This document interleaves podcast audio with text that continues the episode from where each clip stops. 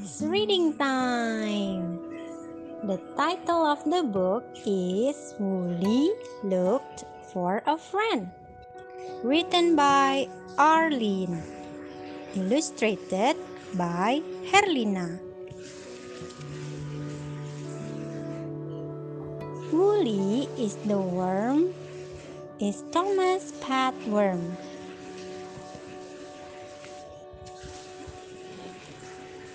Lives in a clear box in Thomas' room. It is a very comfortable box. Woolly loves Thomas. Thomas also loves him very much.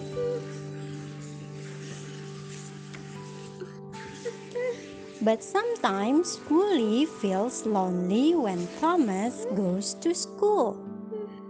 So one day, Woolly decided to look for another friend. Woolly wandered into a kitchen and saw something that looked like a yellow worm. Hi, I'm Woolly, he said. But the yellow thing was quiet. Quiet. What a snobbish worm, he thought. Then he went to the shoe shelf and saw a colorful looking worm sleeping on Thomas' sister's shoes. Hi, I'm Woolly, he said.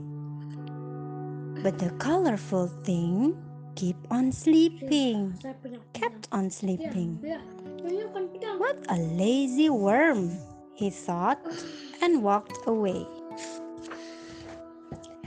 Near a hole, he saw a gray worm. Hi, friend. I'm Wu. He didn't finish saying his name. When the worm ran very fast in front of him, What a fast little worm, he said out loud. Maybe he is busy. On Thomas' desk, he saw a very stiff looking worm. I'm Woolly. Let's play, he said. But the worm didn't move.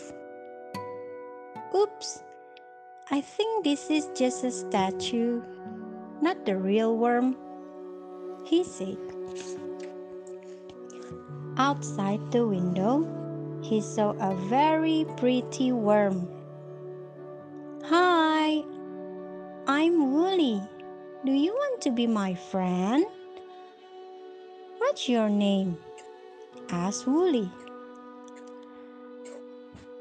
I love to be your friend, Woolly, but I don't have a name, said the worm. Never mind, let's play at my place, said Woolly. Look, Mom, Woolly has a friend. I think I'll call her Woozy, said Thomas. So, Woozy got her name, and Woolly finally got a friend. Woolly never felt lonely again. The end.